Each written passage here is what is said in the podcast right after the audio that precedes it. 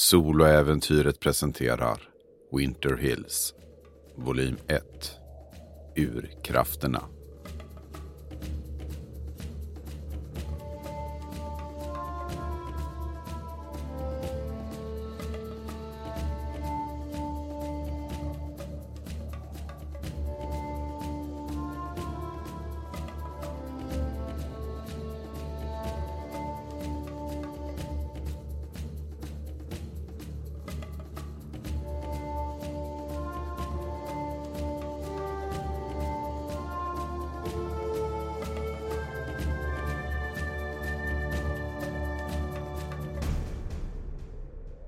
Säsong 1, avsnitt 28.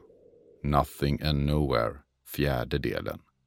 Det har varit en lång färd tillbaka från trakterna i norra Alaska.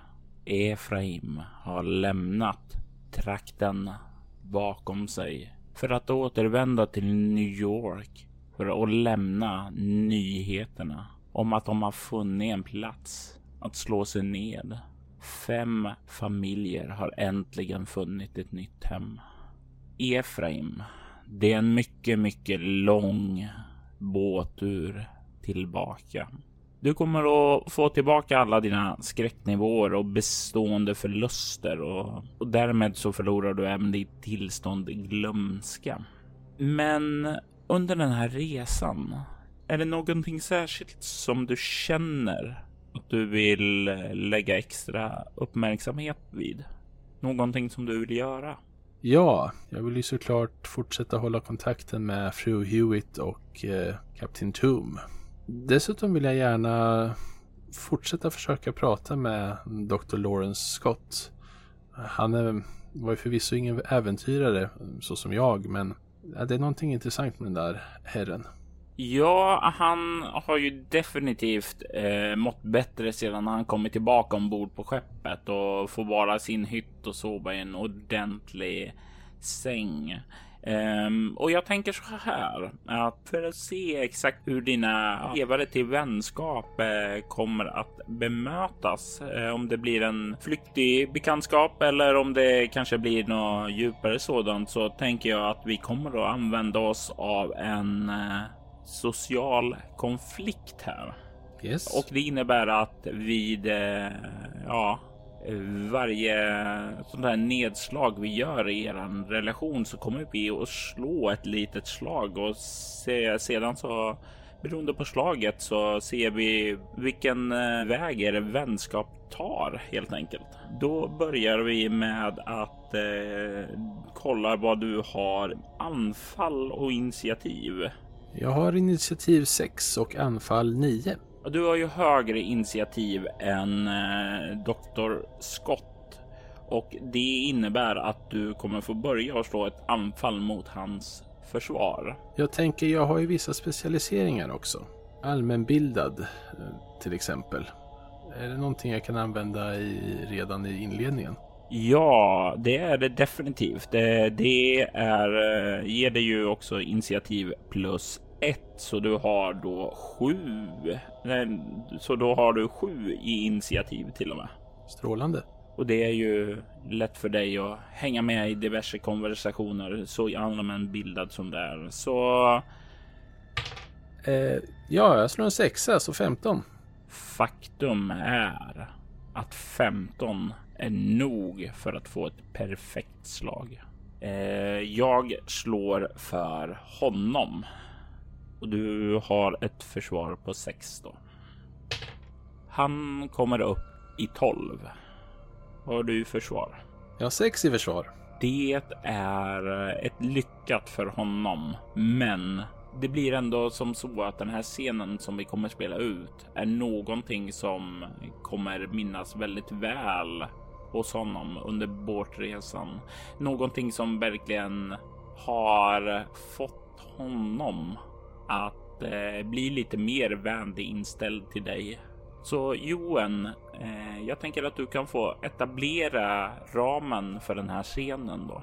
Var är vi någonstans ombord på båten? Hur lång tid har ni rest bort ifrån trakten som ska bli ert hem? Det är kvällen samma dag som vi har åkt. Jag finner Dr. Lawrence Scott uppe på däck. Han tittar han står, och, han står vid akten och tittar ut över den här platsen som vi har utforskat, han och jag och några andra. Jag närmar mig honom med en flaska konjak. Ah, Dr. Scott! God afton!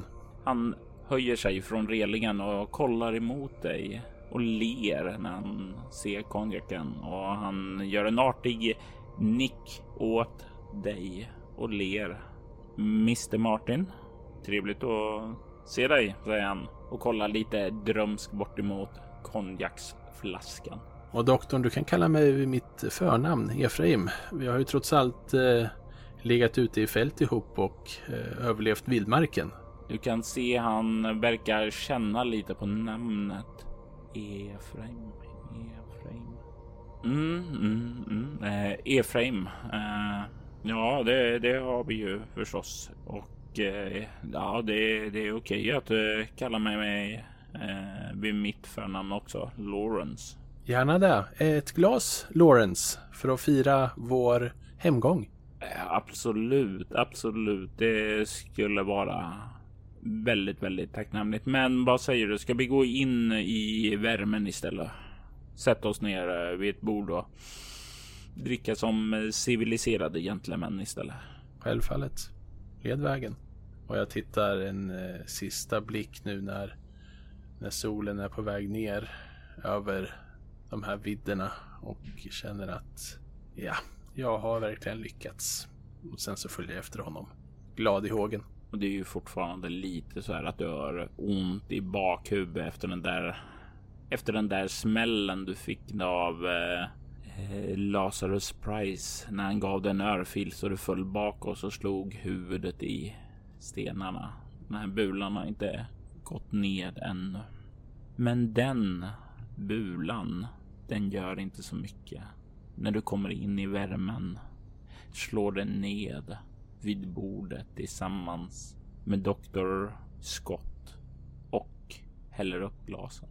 Det här är den första av många kvällar som ni spenderar tillsammans, pratar, dricker, umgås. Det här är en vänskap som just nu frodas. Men det är även andra relationer du har ombord här. Du kan väl märka av att Gideon gjorde du ett väldigt bra intryck på tidigare. Han verkar se dig som väldigt redig. Eh, han är, ber dig ofta komma upp till hytten och prata lite med under dagarna där. Fördriva tiden eh, vid de tillfällen som det är rätt lugnt. Han, eh, mm, han är en person som är väldigt, väldigt, eh, vad ska man säga, rutinerade. Han har sett mycket ute till havs och han verkar trygg här. Även under de tillfällena då ni kommer in i de här passagerna som är knappt utforskade. Passagerna som få andra vågar ta sig igenom. Men som han står orädd när han åker igenom. Oavsett om det är stiltje eller storm. Jag tänker att du kan få slå en utstrålning plus okultism. Ett lätt slag. För att se om du lägger märke till en sak. Fem. Det är ju inte riktigt nog för att du ska lägga märke till några små detaljer som sker under resan.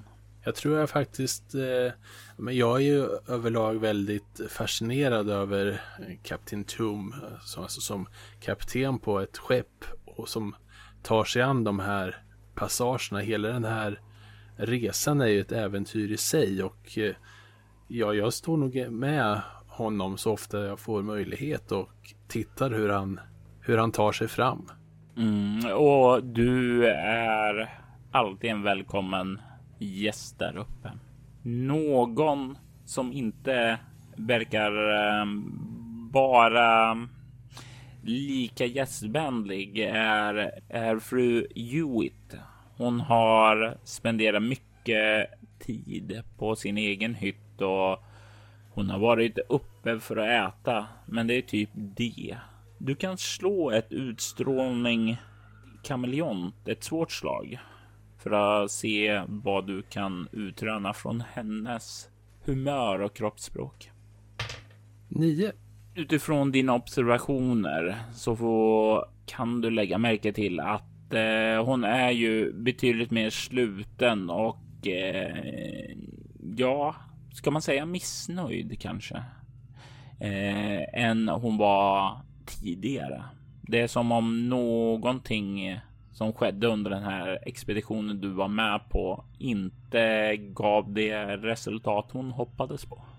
Nej, det kan jag förstå. Det är trots allt eh, hon som skickade iväg den här nidingen som slog ner mig. Men eh, nej, jag fäller inga tårar för hennes skull. Eh, redan innan vi gav oss iväg så hade jag hört talas om hennes och hennes familjs rykte skumraskaffärer och sånt där. Eh, men jag klarar mig gott och väl utan att stifta allt för nära bekantskap med henne. Resan har varit lång. Men nu äntligen så kan du se hur eh, New Yorks stadskonturer uppenbarar sig på horisonten. Ljuden från staden och allt dess liv känns nästan öronbedövande med tanke på hur ensamma ni har varit under stor del av resan. Hur känns det att komma hem? Ja, det är ju, det är ju mitt triumftåg. Så är det ju. Samtidigt så börjar jag när jag hör de här ljuden från staden, när jag känner doften av kol och ånga, så, så känner jag ändå att den här pressen, den kommer tillbaka. Och den kommer tillbaks ganska hårt. Men jag försöker trycka undan den. Jag vet ju att jag har ju åstadkommit någonting fantastiskt och jag ser fram emot att möta min far och min mor och berätta, berätta allting som jag varit med om. Skeppet tar sig in i hamn och eh, Gideon ser till att lägga an väldigt van rutinerat. Det är ju mycket av skeppets besättning som sätter igång genast med saker som att eh, ja, eh, fylla på tanken och börjar se till att eh, lämpa av saker. Du kan se den febrila aktiviteten uppifrån kaptenshytten med eh, där du står med Gideon eh, och Gideon kollar på dig. Jag eh, jag antar att eh, du sköter avrapporteringen till din far. Eh, jag har en del ärenden här i hamnen som jag måste omsörja med. Självfallet Kapten Tum och du ska veta att jag är mäkta imponerad över din handfasthet med det här skeppet. Jag hoppas vi ses snart igen säger jag och räcker fram handen. Och han tar emot den och skakar den ordentligt med dig. Eh, och du känner det att han skakar den som om du vore en man, inte en pojke. Vilken tid anländer vi ungefär? Ja, vi kan slå en reaktionstärning där. Och eh, ja, det är strax efter lunchtid. Okej. Okay. Eh, lite lagom mätt och belåtna. Jag har ju redan innan gjort mig i ordning då såklart och packat eh, mina tillhörigheter. Jag kliver i land och eh, inväntar diligensen som jag då antar bör komma. Eh, sannolikt har väl, jag utgår ju då från att eh, kapten Tom har rapporterat att vi har kommit i land. Antingen via telegraf eller via andra medel. Och du står där och väntar. Det går 10 minuter, 20 minuter. En halvtimme har gått och det har fortfarande inte kommit en diligens. Det här är ju högst ovärdigt. Eh, jag hade ju förväntat mig att den skulle vara här redan. Jag eh, går ombord på skeppet igen. Det är någonting som eh, inte gått rätt till. Det är ju en eh, bit att promenera där tillbaka. Eh, ungefär en, ja, kanske en kvarts promenad tillbaka. Du kan se hur när du vandrar där att det pågår fullt med aktiviteter. Så mycket folk som springer omkring här. Hur känns det att se så mycket folk rusa fram och tillbaka när du har varit ute i vildmarken med så få personer ombord på skeppet? Där det visserligen finns en del personer, men det är inte alls samma febrila aktivitet. Eh, jag är, jag är ovan med det här oljudet. Folk som pratar och ropar och skriker och har sig. Eh, men i övrigt så känns det ju ganska familjärt på något sätt. Jag hoppas bara inte att någon hamnarbete ska gå emot mig och fläcka ner min skjorta eller liknande. Men, men det går bra. Du kommer tillbaka till fartyget med en intakt skjorta. Jag eh, går väl mot eh, kaptenshytten. Dörren är stängd. Du kan höra att det är någon där inne. Jag knackar. Du hör en kvinnlig röst som säger kom in. På bryggan. Eh, jag öppnar dörren. Och du kan se fru Hewitt där. Och hon har ju varit här tidigare. Hon kollar upp mot dig där hon sitter och verkar läsa en bok. En, eh, ja, det är inte en vanlig tryckt bok utan det verkar vara en läderinbunden bok av något slag. Den ser gammal ut. Hon slår ihop den och kollar upp mot dig eh, och säger eh, Efraim, jag trodde du skulle möta din far. Vad gör du tillbaka? Fru Hewitt, jag trodde detsamma. Dessvärre verkar det inte ha kommit eh, någon diligens till mig. Eh, då får du väl låna dig själv. Eh, för jag vet bestämt att eh, Gideon har meddelat er far att eh, ni skulle komma. Hon kollar på dig lite med höjt ögonbryn. Eh, för ni är väl inte för fin och får lite skit under naglarna själv, säger hon och ler lite. Inte för mycket, utan det är ganska diskret sådär, men det är precis lagom mycket. Nej, självfallet inte fru Hewitt. Jag har ju som sagt varit eh, ute i vildmarken så lite skit under naglarna, det räds jag inte. Jag biter mig i läppen för att inte säga något mer. Hon förstår helt enkelt inte vad som förväntas i, ja, i mer eh, ordnade och eh, finare kretsar. Jag eh, vänder på klacken och eh, lämnar henne efter en fin nickning och tar åter på mig min hatt. Och hon återbördar artighetsgesten och du kliver ut på däck igen. Det här var inte det ja, ärofulla återtåget som du skulle få. Faktum är att det känns lite i dig. I alla fall så mycket att jag vill att du slår ett omskakande skräckslag med utstrålning. Jag slog en etta, så fyra. Det innebär att du får en skräcknivå. Ja, det här känns ju inte alls bra. Eh, det känns rent utav... Eh, det känns faktiskt rent utav förjäkligt. Jag... Eh, jag vet inte vad som kan ha hänt. Har, har det hänt någonting med min familj eller, eller är jag inte välkommen? Men vad skulle jag ha gjort? Och så, så tänker jag genast på den där natten. Den där natten med den goda sjuksköterskan Mona. Och du minns glasen ni drack. Du minns hur du ställer dig framför henne beskyddande. Hennes andhämtning i din nacke. Glasen och sen flashade förbi morgonen efter. Du ser hennes nakna kropp i din säng. Hennes leende. Det här kommer tillbaka. Minnen som du inte har tänkt på särskilt mycket under de här månaderna som har gått antar jag. Nej, jag har försökt eh, förtränga de här minnena. Eh, men det är ju typiskt. Det, är ju, det ska en kvinna till att kunna hemsöka en även efter man har lämnat henne många hundra mil bort. Mm.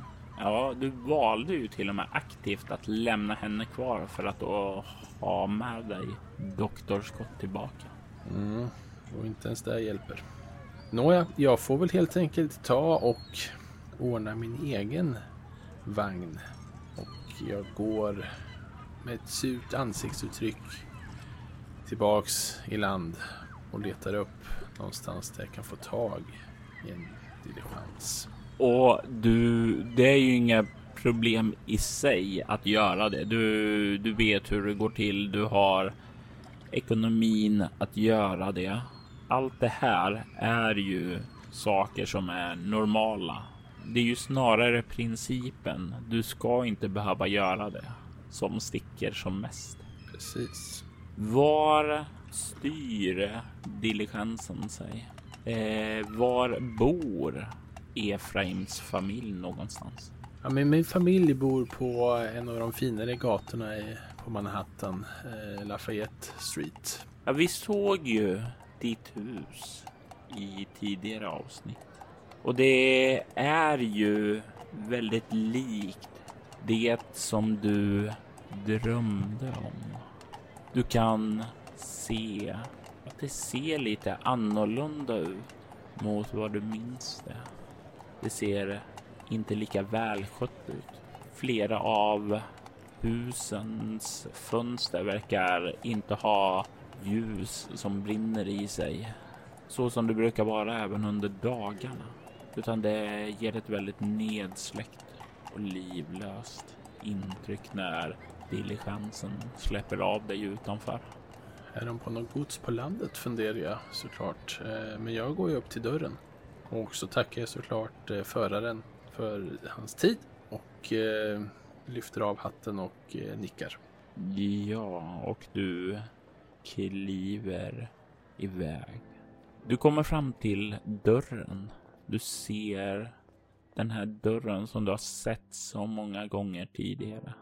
Den känns annorlunda, men du kan inte riktigt förstå varför. Så länge har jag väl ändå inte varit borta. Knackar du på eller kliver du in? Trots allt det här är ju ditt eget hem. Stämmer bra, det är mitt hem så jag kliver ju in. Du kommer in och det kan se. Du kan se in i hallen. Jag tänker att eh, du kan förslå ett utstrålning humaniora för att lägga märke till en sak här som direkt sticker ut. Jag slog en sexa, så 15. Det är ett perfekt slag. Du lägger märke till direkt en sak här i den buren du kliver in och kan ana eh, garderoben lite längre in står där på glänt. En sak saknas där inne. Din mors kläder. Du kan höra fotsteg komma. Är det bara min mors kläder som saknas? Ja. Ja, fotsteg, ja, det måste ju vara husan. Jag inväntar vem som kommer. Vem är Husan? Eh, och vad är din relation till henne? Om du har en relation till henne. Jag vet inte om du är en person som lägger namnet på minne hos eh, tjänstefolket. Det har väl varit lite tjänstefolk som man har eh, noterat lite mer än andra, men ja, eh, vissa har ju förlorat sina anställningar och sen har det kommit nya. Eh, just Husam eh, är väl ganska ny och jag, jag, jag hann inte riktigt lägga märke till vad han hette innan eh, jag for. Vad, hur ser hon ut? Ja, det var en lite yngre kvinna, eh, inte särskilt vacker, eh, lite benig, men eh, god uppsyn. Eh, och den här husan då kommer in, ser och niger när hon ser att det är du och säger ehm, Herr Martin, eh, välkommen hem. Kan jag ta eh, ytterkappan? Ja, varsågod, det kan ni göra. Hon kliver snabbt fram och tar emot den. Eh, er far är inte hemma. Eh, jag vet inte om han kommer hem ikväll. Han har han spenderar många dagar borta hos eh, herr eh, Holtz nu för tiden. Jag förstår. Eh, min mor, vart är hon? Du kan se hur hon direkt kollar ner i marken när du säger det. Ehm, jag ser så, jag ska inte prygla dig. Ut med språket, vart är hon? Eh, jag, jag, jag be beklagar. Hon, hon, hon har gått bort. Eh, er eh, far höll en väldigt fin eh, begravning för henne för tre månader sedan. Slå ett chockartat skräckslag med utstrålning. Jag slår en sexa och jag kommer upp i nio. Du får en skräcknivå av att höra nyheten om att din mor har gått bort. Tack säger jag till eh, husan och eh, kliver vidare. Eh, och sen känner jag väl att eh, känslorna börjar falla på. Jag går in och sätter mig på närmaste stol och ja, jag vet inte hur länge jag sitter där men jag fastnar där en stund och, och försöker tänka. Ja, hon var ju förvisso eh, något äldre men ändå inte så gammal. Jag, jag sitter där en stund. Ja, din far är 46 och hon är väl något år yngre då. Så definitivt inte lastgammal. Du sitter där. Du vet inte hur länge. Tankarna yr. Minnen av din mor tränger fram och susar förbi. Du märker det inte först. Men efter ett tag så kan du se rummet du sitter i är ihoppackat.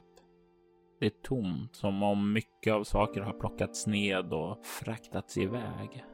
En del möbler finns kvar här, men de ligger under dukar.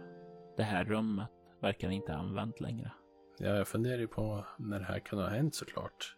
Märkte jag någonting? Hur, hur mådde hon dåligt eller så? Var det någonting särskilt med henne när jag reste? Nej, det fanns inga tecken på att någonting var fel med henne. Utan tvärtom. Hon var en eh, kvinna i sina bästa år. Nyligen passerat 40 år. Var fortfarande i god form. Var en eh, social och framgångsrik kvinna. Ja, det verkar ju... Det måste ju varit någonting som har skett väldigt plötsligt. Jag eh, går igenom huset eh, och jag stannar vid pianot. Pianot som hon brukade spela på. Och du hör i bakgrunden ett eko ifrån dina drömmar. Där hon spelade pianot. Arma moder.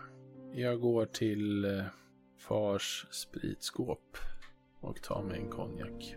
Och till din stora besvikelse så ser du att spritskåpet är tomt.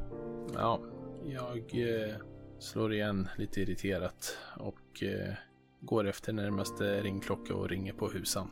Du hör nästan direkt hur husan snabbt skyndar emot dig och kommer in. Eh, ja, sir. Konjaken, eh, var står den? Er far har paketerat all fin sprit eh, och magasinerat den eh, i, i väntan på avfärd. Eh, det, vi har lite enklare alkohol om det duger eh, från oss. Och sen så liksom kommer hon stammande av sig för hon vet ju att det här är ju inte sprit som är värdig dig egentligen. Det var mycket snällt. Ja tack. Eh, och jag tar gärna middag eh, vid, vid sextiden om det går bra. Eh, det går utmärkt. jag ska låta kökspersonalen veta om det. Och sen så vänder hon på klacken för att skynda iväg. En väldigt omtänksam och trevlig kvinna det här. Jag borde lära mig hennes namn.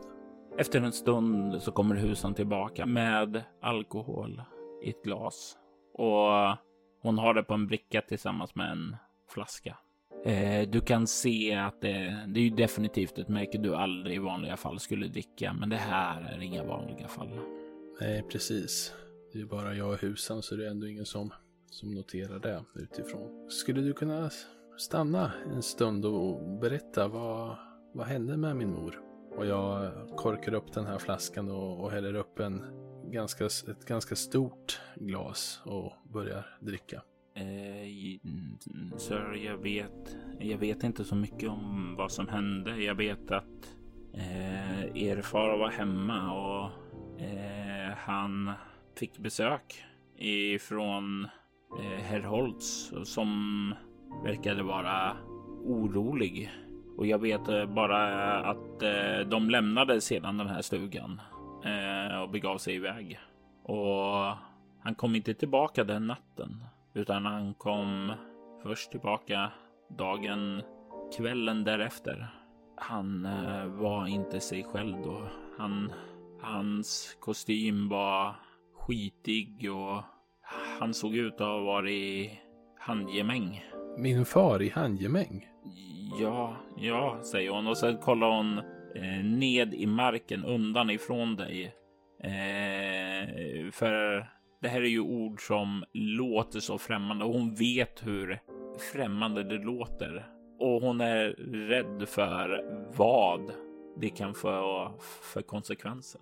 Eh, låter väldigt märkligt att min far skulle ha hamnat i handgemäng, men, men nåväl, eh, fortsätt berätta. Den kvällen fick allt tjänstefolk i uppgift att städa ut er mors saker. Han sa att han inte ville se det längre. Under de kommande dagarna så utannonserades begravningen. Han pratade aldrig om det, vad som hände. Men eh, ja, ni vet. Så tystnar hon. Vet vad då? Det, det går rykten om vad som hände.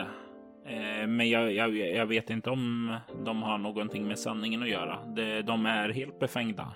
Ja, rykten tenderar ju att vara det. Men du kan berätta för mig. Jag, eh, det är lika bra att jag förbereder mig på vilka dumheter man kommer få höra ändå framöver. Givetvis, sir. Eh, jag, jag, jag vill bara säga, jag, jag tror inte på dem. Eh, er mor var alltid en vänlig kvinna mot mig och jag är djupt tacksam över att ha fått arbeta här. Nåväl, mm, mycket bra. Ryktena säger att er far fann er mor tillsammans med en annan man och att ett tumult mellan dem utbröt och att er mor försökte stoppa grälet och i, i stundens hetta så föll hon ut genom fönstret och dog av fallet. Hon tystnar, stirrar ned i marken, orolig, så väntar hon på att höra din reaktion på ryktet. Om hon är uppmärksam så kanske hon ser att eh, jag håller på att krama sönder armstöden, bägge två. Hon, eftersom hon stirrar nedåt och inte dig direkt i ansiktet eller ögonen så ser hon det och hon blir bara tystare, orolig över vad som ska ske näst. Sen andas jag in och återfår mitt lugn. Tack för berättelsen, säger jag och försöker hålla borta alla känslor. Eh, det var bra så, eh, säger jag och eh, gestikulerar lite att hon kan få gå sin väg. Hon kollar på dig med eh, en blick som frågar om, hon, om du vill att hon ska lämna flaskan. Jag ger henne en nick och, och nickar mot eh, bordet bredvid mig. Hon ställer ned flaskan och lämnar dig ensam i rummet. Den här kvällen är jag inte i skick att, att konfrontera Mr Holtz om vart min far befinner sig. Men eh, kanske imorgon. Jag eh, fyller på ännu ett glas och, eh, och förfäras över de här rent absurda ryktena om min mor och min far. Vem är det som har spridit dem? Minuterna går och de här tankarna spinner i ditt huvud. Jag vet inte om de eh, börjar spinna mer eller mindre i takt med att du tar ett glas till. Ett till. Du känner i alla fall snart så här det lugnande alkoholet. Det blir luddigare. Känslorna paketeras i vad som är lite, ja, nästan som man skulle kunna säga dämpande bomull i alla fall. Maten serveras på kvällen. Du kan äta under tystnad. Din far verkar inte komma hem ikväll. Så hur spenderar du kvällen innan du kliver till sängs? Efter maten så, så tömmer jag nog resten av flaskan och sen försvinner väl det mesta i en dimma. Men vid något tillfälle så kommer jag på mig själv att jag, jag står och gråter. En vuxen man. Jag står och gråter som ett barn. Försöker genast att eh, fånga mitt förnuft igen och, och sen avlägsnar jag mig till sängkammaren. Och du kommer fram till rummet och din dörr. Och du tycker dig höra på andra sidan barngråt. Välbekant barngråt. Och jag får den här tanken. Nej, jag orkar inte med sådana här drömmar. Men jag kliver ändå in. Och du kliver in i ditt rum och du kan inte se något barn där och det här barnskriket du tyckte dig höra i nyss är borta nu. Jag pustar ut och sätter mig på sängkanten. Och det dröjer inte länge innan du glider ned i sängen och det låter dina tunga ögonlock falla ned och glider in i ett rofyllt mörker. I detta avsnitt hör du Johan Ström Hellberg. Winter Hills är en berättelse skapad och spelad av Robert Jonsson till rollspelet Bortom som ges ut av Myling Spel. Avsnittet klipptes av Kvarnberg Productions, ett företag som bistår dig med allt ifrån att hjälpa dig att starta upp en podd till att klippa och producera den. Du hittar dem på kvarnbergproductions.com och länkar till deras kanaler hittar du i avsnittets inlägg. Robert Jonsson stod för ljudläggningen. Winter Hills temamusik skapades av Andreas Lundström från Sweden Rolls och Riddles in the Dark. Ni hittar hans musik på Spotify och Soundcloud. Övrig musik gjordes av En Marta, Gavin Luke och Silver Maple. En Marta tillhör bolaget Cryo Chamber som ger ut fantastiskt stämningsfull ambient musik som passar perfekt till dina spelmöten och rekommenderas varmt. Soloäventyret är en Actual Play podcast där vi spelar rollspelen Bortom och Leviathan. Ni kan komma i kontakt med oss via mail på info.bortom.nu. Det går även att följa oss på Instagram och Twitter som @spelabortom, på Facebook samt på bortom.nu. Känner även fri att spana in vår spin-off-podd Altors vidder. Där spelar vi det klassiska rollspelet Drakar och Demoner i världen Altor. Ni är välkomna att lämna recensioner av podden både på Facebook och era poddappar. Det uppskattas djupt av oss och kan leda till extra belöningar för er. Vill du stödja Roberts fortsatta kreativa skapande kan du göra det på patreon.com Robert Jonsson. De som backar får tillgång till material i form av extra poddar och statusuppdateringar. Mitt namn är Jörgen Niemi. Tack för att du har lyssnat. Vi vill ta tillfället i akt att tacka, hylla och hedra våra Patreon-backare. Martin Stackelberg. Mia Gibson.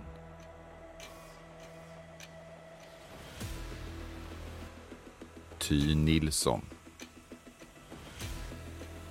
Daniel Pettersson. Och Daniel Lantz.